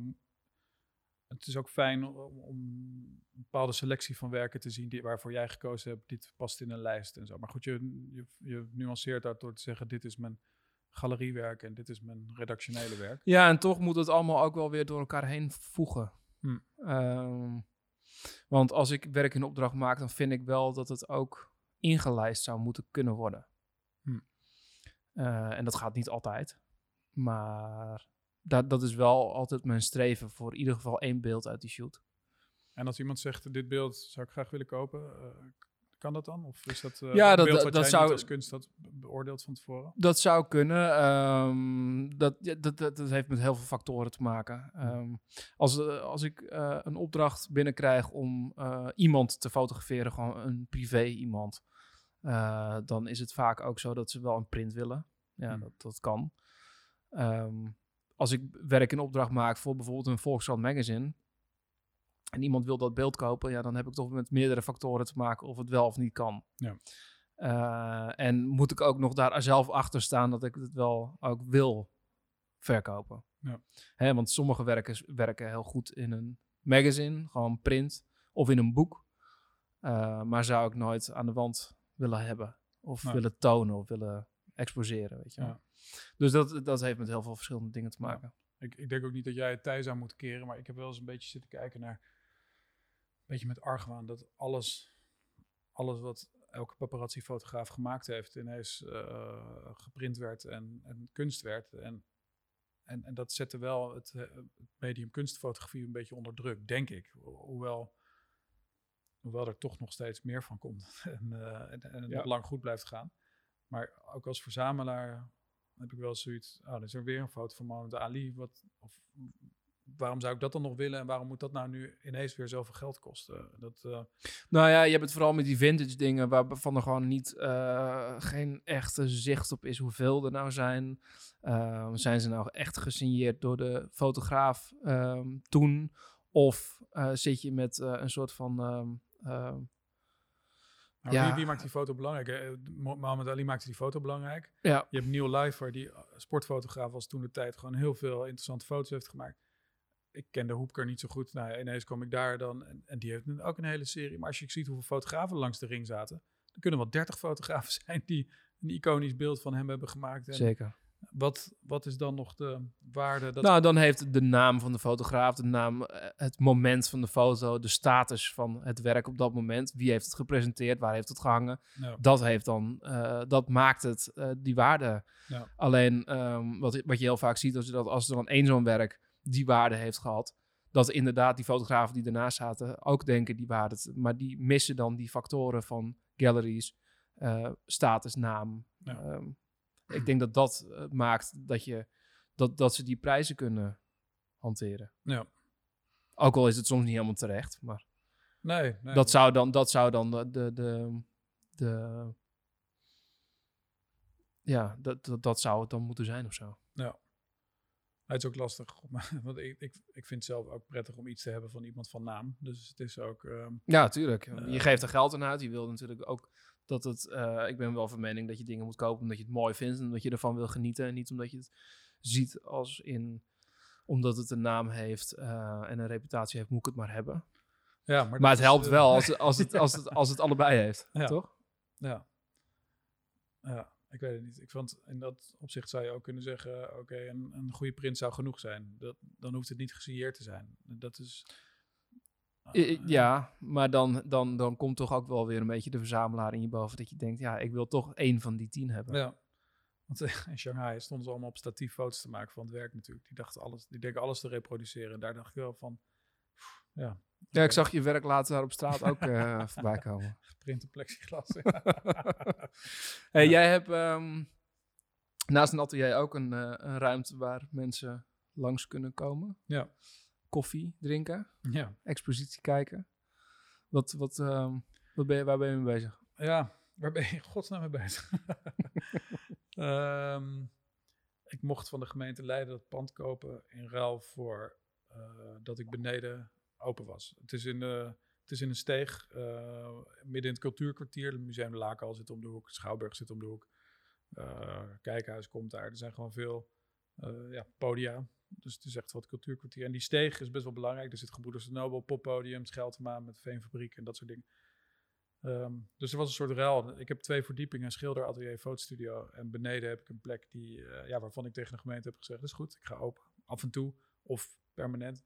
En toen kwam wel een beetje de idealist in mij boven. Die zei: Oké, okay, ik wil niet zo'n kunstplek zijn die altijd dicht is. Dus ik wil wel dat als je ergens naartoe gaat, dat je weet dat je daar kan kijken. En, um, en niet zo'n gesloten vesting is.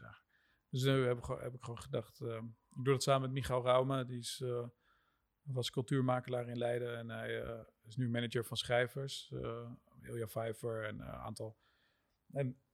Um, we vinden het leuk om daar gewoon programmering te maken. Vinden we nu leuk. En, en ik krijg er ook nog energie van. En er komen vrienden, muzikanten en kunstenaars. En, het is eigenlijk een soort broed, broedplaats geworden. Ja, ik vind het een leuke plek waar uh, creatieven elkaar ontmoeten. Schrijvers werken. En, en waar werk van collega's hangt. En waar ik zelf af en toe iets kan testen. Het is, ik, wil niet, ik wil niet concurrent zijn van mijn galeries. Maar ik vind het wel leuk dat er een plek is waar mensen naartoe... Ik vond Piet en Eek wel een leuk voorbeeld. Dat je in Eindhoven kan kijken hij heeft gewoon een Pieter en Eek Walt Disney gebouwd eigenlijk. Hij zit daar te werken en ik, ik heb dat ook. Dan loop ik door die gang. Kijk, daar zit hij. hij zit daar achter zijn computer te werken. Links heb je de werkplaats, worden die meubels gemaakt. Je loopt verder, heb je een winkel met allemaal dingen die hij mooi vindt. Ik vond het gewoon leuk om een soort wonderkamer te bouwen van dingen die ik interessant vind, mooi vind. Uh, waar koffietje gezet wordt. En uh, ja, een fijne plek te creëren. Doen we eigenlijk hetzelfde, alleen dit is wat eh, Ja. minder toegankelijk. Ja, maar jij vindt het ook prettig om hier binnen te lopen. Een fijne omgeving voor jezelf gecreëerd hebben. Zeker. Met witte wanden waar je, waar je eigen werk kan zien. Maar jij bent dan ook echt open Ja, ik ben Daar? van 11 tot 5. als er iemand is. Nee, donderdag, vrijdag, zaterdag is er iemand. Eh, dat is een meisje die eh, altijd in de horeca heeft gewerkt en een kunstopleiding heeft gedaan. Dus dat is precies op het snijvlak van wat we ook willen. Dus we verhuren de plek. En zij is er op donderdag, vrijdag, zaterdag van 11 tot 5. En dan maakt ze koffie en eh, lunch. En, dus voor mij is het ook ideaal dat er heerlijke salades klaarstaan op die dagen. En ik merk wel... En jij zit dan boven. ja, te ook- werken. ik heb ook gezegd, als mensen komen, dan ben ik er niet. En ehm, ehm, dat, dat gaat goed. Ja. Ik doe de deur op slot en ik ga aan het werk. Maar ik vind het wel leuk dat als je naar beneden komt en er zitten mensen die je kent, vind ik het nu nog leuk om even erbij te gaan zitten of even een praatje te houden. Of, eh, en ik vind het ook leuk om diners daar te organiseren en eh, previews en dat soort dingen. Ik heb met Roy ook over gehad om daar gewoon, eh, als er een serie werk met die danseres bijvoorbeeld komt, dat zij haar vrienden, dansers, dat soort dingen uitnodigt. Roy nodigt een aantal verzamelaars uit, ik nodig een paar vrienden uit. Dat je gewoon een diner organiseert, een soort echte vernissage van het werk. werk ophangt en daartussen gaat zitten. Ja. Ja, en eh, dat Ja. ik erover ga praten, dat zij erover gaat praten, dat we misschien een muzikant uitnodigen. Solist. misschien nog even een dansje doet. Nog even een dansje misschien. ja, dat zou prachtig zijn. Doe even een dansje. Doe even een dansje dan. Doe ik even een eh, fotootje. Ja, dan maak ik wel even een foutje. Doen we net alsof het allemaal echt is. Ja. Ja, dus het, Maar het is gewoon een heerlijke eh, creatieve plek om, eh, om, om te zijn, om je in te bevinden. Ook al is er niemand. ik heb Gewoon- altijd al de kneuterig gehad om gewoon eh, toch een soort shop te willen bouwen voor mezelf. Of het is toch iets... eh, Je omringen met dingen die je mooi vindt. ja, ja. ja. En mooie boeken, mooi ik ook presenteren, belangrijk. zoals jij hier de muur hebt met het werk. Het inspireert gewoon. En, ehm, en dat je vervolgens wel uit moet leggen dat je geen galerie bent. En dat het gewoon toch nog via galeries loopt allemaal. Omdat zij voor je naar het buitenland gaan en weet ik wat. Dan, maar het is nu een wisselwerking. Zij sturen nu ook mensen naar mij. En ehm, ga daar maar kijken, er is iets meer werk. Omdat er niet altijd bij, in Amsterdam werk van mij hangt. Of. Nee, het is nooit permanent. eh, Ja. al- althans, eh, niet, niet, eh, niet bij de galleries. Nee. Heel veel mensen denken nog van, nou, ik, ik ga even naar Amsterdam naar je werk kijken. En dan moet ik altijd uitleggen, nee, dat hangt er niet altijd. nee. Ja, dus dat, Er is nu een andere show. ja. Ehm, en daarom vond ik het ook heel belangrijk om, om die plek hier te hebben. Ja. Omdat als mensen het willen zien, hier hangt het altijd. Ja. Nou, dat heb jij ook. Ja. Maar je hebt laatst ook een, een groepstentoonstelling gedaan. Mijn werk, er heeft ook een werk voor mij toegehangen. Ja, we hebben een naaktexpositie en dan vind ik het leuk om eh, ja, mijn werk van kunstenaars die ik waardeer eh, op te hangen. En eh, we gaan een zelfportretten tentoonstelling maken rond, rond Rembrandt. Eh, de Leidse tijd heeft hij veel zelfonderzoek gedaan. Nou, dan is het zelfportret een mooi, mooi onderwerp. Dus dan hebben we, eh, ik heb nu niet alleen fotografie, maar ook eh, schilderkunst. Dus dan willen we met Levi van Veluwe, Filip Akkerman, gewoon eh, kunstenaars die echt, Laura wil ik erop hangen, zelfonderzoek hebben gedaan. Laura Hospes, onze collega van Kaman, die natuurlijk ook ontzettend intensief zelfonderzoek doet de hele tijd. Dus Ja. dat vind ik van allerlei disciplines van het zelfportret wil ik daar dan tentoonstellen met Rembrandt als uitgangspunt, omdat hij ook zelfonderzoek deed. Dus dat, ja, dat is gaaf als je dat zelf kan maken. En dan wil ik niet op de stoel van galeriehouder zitten, maar ik vind het wel leuk dat al die mensen dan komen. Ik heb, eh Onno, heeft, Onno Blom heeft ook de biografie van Jan Wolkers geschreven. Dan ga ik vaak mee naar Texel, eh, naar Carina. En dan gaan we daar naar het atelier, naar het schrijfhuisje. En dan gaan we door die, door die lades met archieven, omdat hij die, voor die biografie eh, onderzoek moest doen. En dan kom ik al die foto's van Ed van der Elske tegen en fantastische prints van, van Wolkers. Dus jezus, wat doe je hier dan mee? Ja, niks. Dus zullen we dan op de markt tegen als dat boek uitkomt een tentoonstelling maken? Dus dan hebben we Wolkers geportretteerd gedaan. Ja, Uniek is- wel, ja. Zeg je? Uniek. Ja, echt zulke mooie, unieke eh, privé. Ook een briefje van Ed. Van, eh, hey Jan, hoe is het? Ehm, eh, hier zijn twee prints. Eh vind je het goed als ik die en die publiceer? Dat hij daar ligt met nou, echt, echt fantastische werken. En dan vind ik het heel leuk om dat dan te tentoon te stellen. Ben je toch even galeriehouder. Eh, maar dan vraag ik ook Koos Breukel, die een heel mooi portret van Jan Wolkers heeft gemaakt. En dan kom ik bij Koos Breukel in de studio. En dat vind jij, weet je wel, dat, dat herken Ja. je. Dat is leuk om die mensen te ontmoeten. En daar raak je geïnspireerd van. En nu vind ik dat nog heel erg eh, tof. En hetzelfde voor Stefan van Vleteren. Die heeft een geweldige foto van Jan Ja, Wolkers gemaakt. waanzinnig, ja. En, ehm, ja, en dan heb je contact met hem van, nou, hoe was, het, was het daar op het eiland en dit en dat. En mag je je werk tonen. En dat is, dat is gewoon heel erg leuk. Dus ik, ik merk, en ik zeg steeds nu nog, omdat ik ook wel voel dat het energie kost om zoiets te bouwen. Om zo'n... Ja, en, je- en we hebben voor de rest niet zo heel veel te doen. ja, precies. Dan kom ik terug uit New York en dan eh, heb ik echt een fantastische eh, tijd gehad. En allemaal mensen gesproken en kansen en dingen. En dan En dan kom je terug op de Marktsteeg en dan moet je de boel opruimen omdat er s'avonds een verhuring is. Ben je gewoon weer de conciërge. Ik, ben je toch... Nou ja, het voordeel was dat jij wel wat ietsje langer in New York was dan ik er was. Ja. Eh, Maar, elke, elke trip is er iets met mijn reis. Het is echt Jij bent, niet, jij bent niet de allerhandigste in dat soort dingen. Maar dat is om de stereotypen rond, eh, rond de verwarde kunstenaar allemaal te bevestigen. Dus, Ja, eh, je doet het eigenlijk gewoon expres dus. ja. ik heb met Basel ook gehad. Dat ik aan de counter stond en dat ik zei... eh, dat die mevrouw zei, die stuurde... Ja, u bent wel vroeg. Hoezo? Twee uur vliegen we toch? En nee, u bent een maand te vroeg. Dus tickets voor een maand later geboekt. En, en nu was het New York gewoon vlucht terug gemist. Ja. Ook gewoon te makkelijk gedacht over die terugreis. En eh, nou ja, gelukkig kosteloos de dag daarna kunnen gaan. En nog een hele leuke avond met... Kosteloos de dag erna kunnen gaan. Ja, het was Nou, wel echt heel, Netjes eh, opgelost. Ja, dat was wel netjes van die eh, airline. Ja, en dan zit je toch in New York. Dat is ja, altijd vreselijk natuurlijk. Ja, dus om ergens een extra dag door te brengen is dat dan wel prima. Vond je het een goede beurs, iPad? Ehm, het, voor mij was het heel goed. Dus ik, ik ben onwijs blij eh, dat ik daar geweest ben. Ehm, het, is een, het is net als Paris Photo een soort geïnstitutionaliseerd. Het is in een begrip, dus dat, dat vind ik heel goed. Dus in de, ook de traders om daar te zijn, vind ik het heel goed. Ik, daarmee dacht ik ook gelijk er meer van. Dus omdat ik dacht van dit is een hoog aangeschreven beurs, had ik ook gehoopt op meer verrassend werk. Nou, nou weet ik niet of het aan mij ligt dat ik steeds meer zie. En dat ik ook vind dat ik steeds nadrukkelijker iets kan vinden van andere werken, omdat ik steeds meer in mezelf begin te geloven. Of dat er werkelijk minder kwaliteit was. Maar ik was niet helemaal weggeblazen. Dus dat is. eh, Ik hoorde op Foto Londen ehm, dat ehm eh, iPad is overgenomen door Paris Photo. echt waar. Ja. Ik weet niet in hoeverre dat waar is. Ik heb het ook niet opgezocht meer. Dus misschien zit ik nu enorme bullshit te lullen. Maar ehm, als, dat, als, als dat wel zo zou zijn, Dat zou goed zijn. Ja. zou heel goed zijn, denk Ja. ik. Want Paris Photo is toch wel het grote podium. Ja, ze hebben geld denk ik ook. Ze hebben gewoon eh, meer galeries. eh, dus als het zo zou zijn dat je een fantastische show neer kan zetten in Parijs en diezelfde galeries kunt vertellen van oké, op het andere continent Doen we het ook. doen we het ook. eh, dan, dan heb je gewoon meer... Ja, want ik denk dat de elementen heel goed zijn in New York. Het is New York. Ehm, Ja. ja, dat, dat, is al, dat is al top. Ehm, daarnaast ehm, is de locatie niet de allerbeste locatie, denk ik. Nu in de, Nee. in de Ja, je kan er wel, als je de faciliteiten verandert, dan kan het wel een chicere uitstraling krijgen. Ja, en ik denk dat, dat, dat, dat het daar nog wel in scheelt. Maar ik denk dat het vooral eh, te maken heeft met dat er in Parijs een hele strikte toelatingseisen zijn. Ja. eh, voor galleries en voor fotografen. Ehm, en dat eh, ik had bij EPAD het gevoel dat er totaal geen toelatingseisen waren. Ehm, wat maakt dat er hele goede galleries staan met heel, heel, veel, heel veel goed werk. Ja. Maar ook heel veel galleries staan ehm, met heel slecht werk. Ja. En ehm, die mix die zorgt ervoor dat het mediocre is. Ja.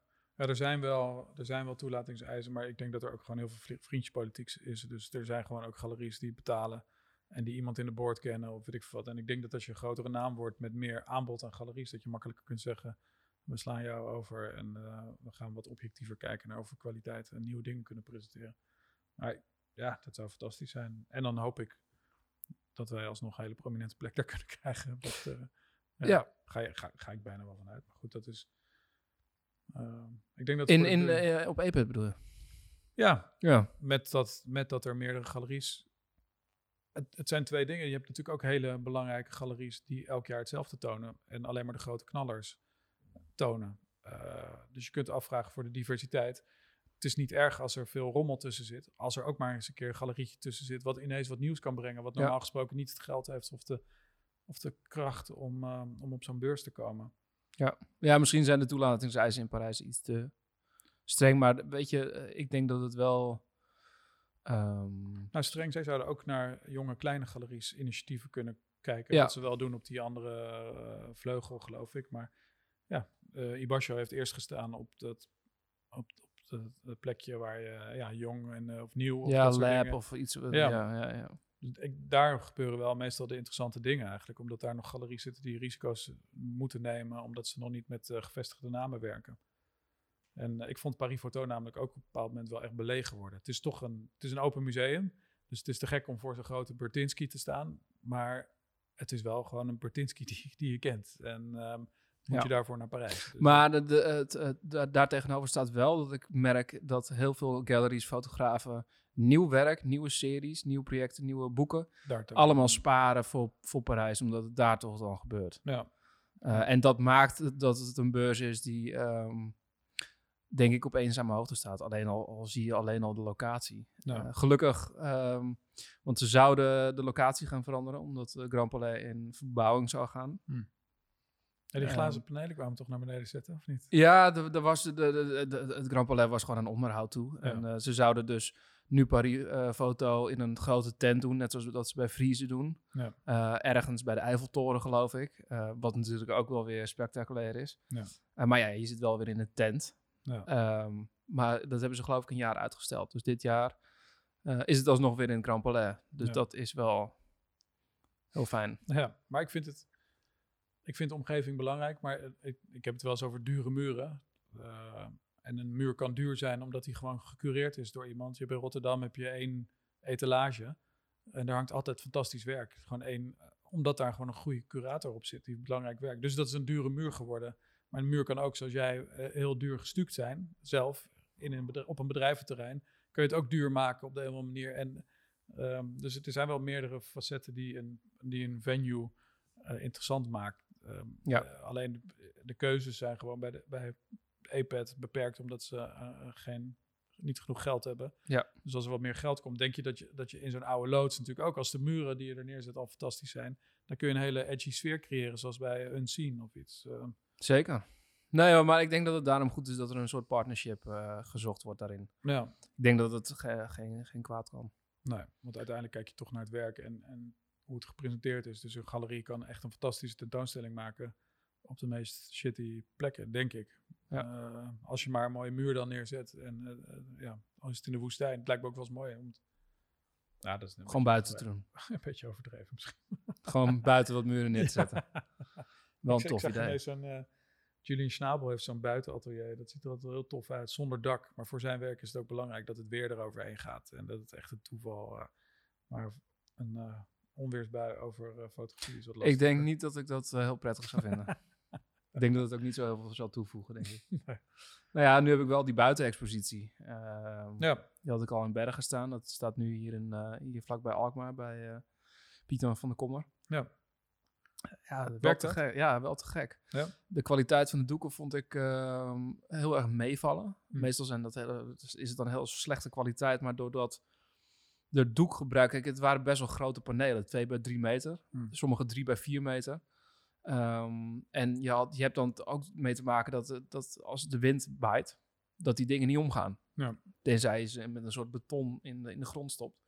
Dus we hebben toen voor gekozen, onder andere daarvoor, om doek te nemen wat, ehm, eh, waar, waar je doorheen kan kijken. Ja. Dus waar de lucht doorheen kan gaan. Maar wat als tweede effect had, dat toen het in het bos stond, dat je dus het bos door die foto heen zag komen. oké. En dat was echt, echt te gek. Oh, echt? ja, dat was echt te gek. Ik dacht je mist contrast of zo dan. eh. Nee, nee, omdat het daar best wel donker was. En bij sommige foto's werkte het wel en bij sommige foto's werkte het niet. En nu staat het ehm, ehm, ergens anders. En, Dus je ehm, gaat ook met lager werken. Ja. Nee.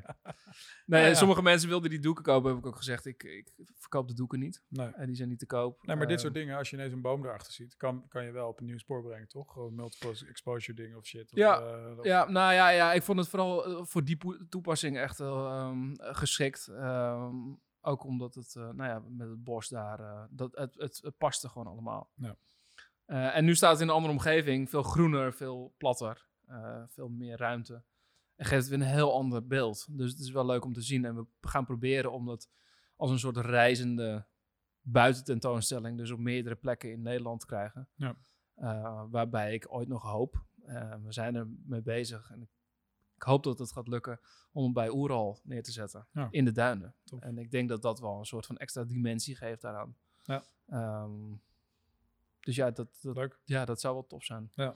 Maar ja, al, eh, weet je, voor de rest ehm, hou ik het gewoon lekker bij eh, lijsten en gaan we dat niet buiten ophangen. Nee, nou ja, goed. Die, ehm, ik, ik heb ook een keer een lichtbak buiten neergezet, maar daar heb ik er wel speciaal werk voor gemaakt. En dan, eh, dan paste dat. Ik vind het wel, ik vind het wel soms heel mooi werken om, eh, om iets groots te doen. Dus ehm,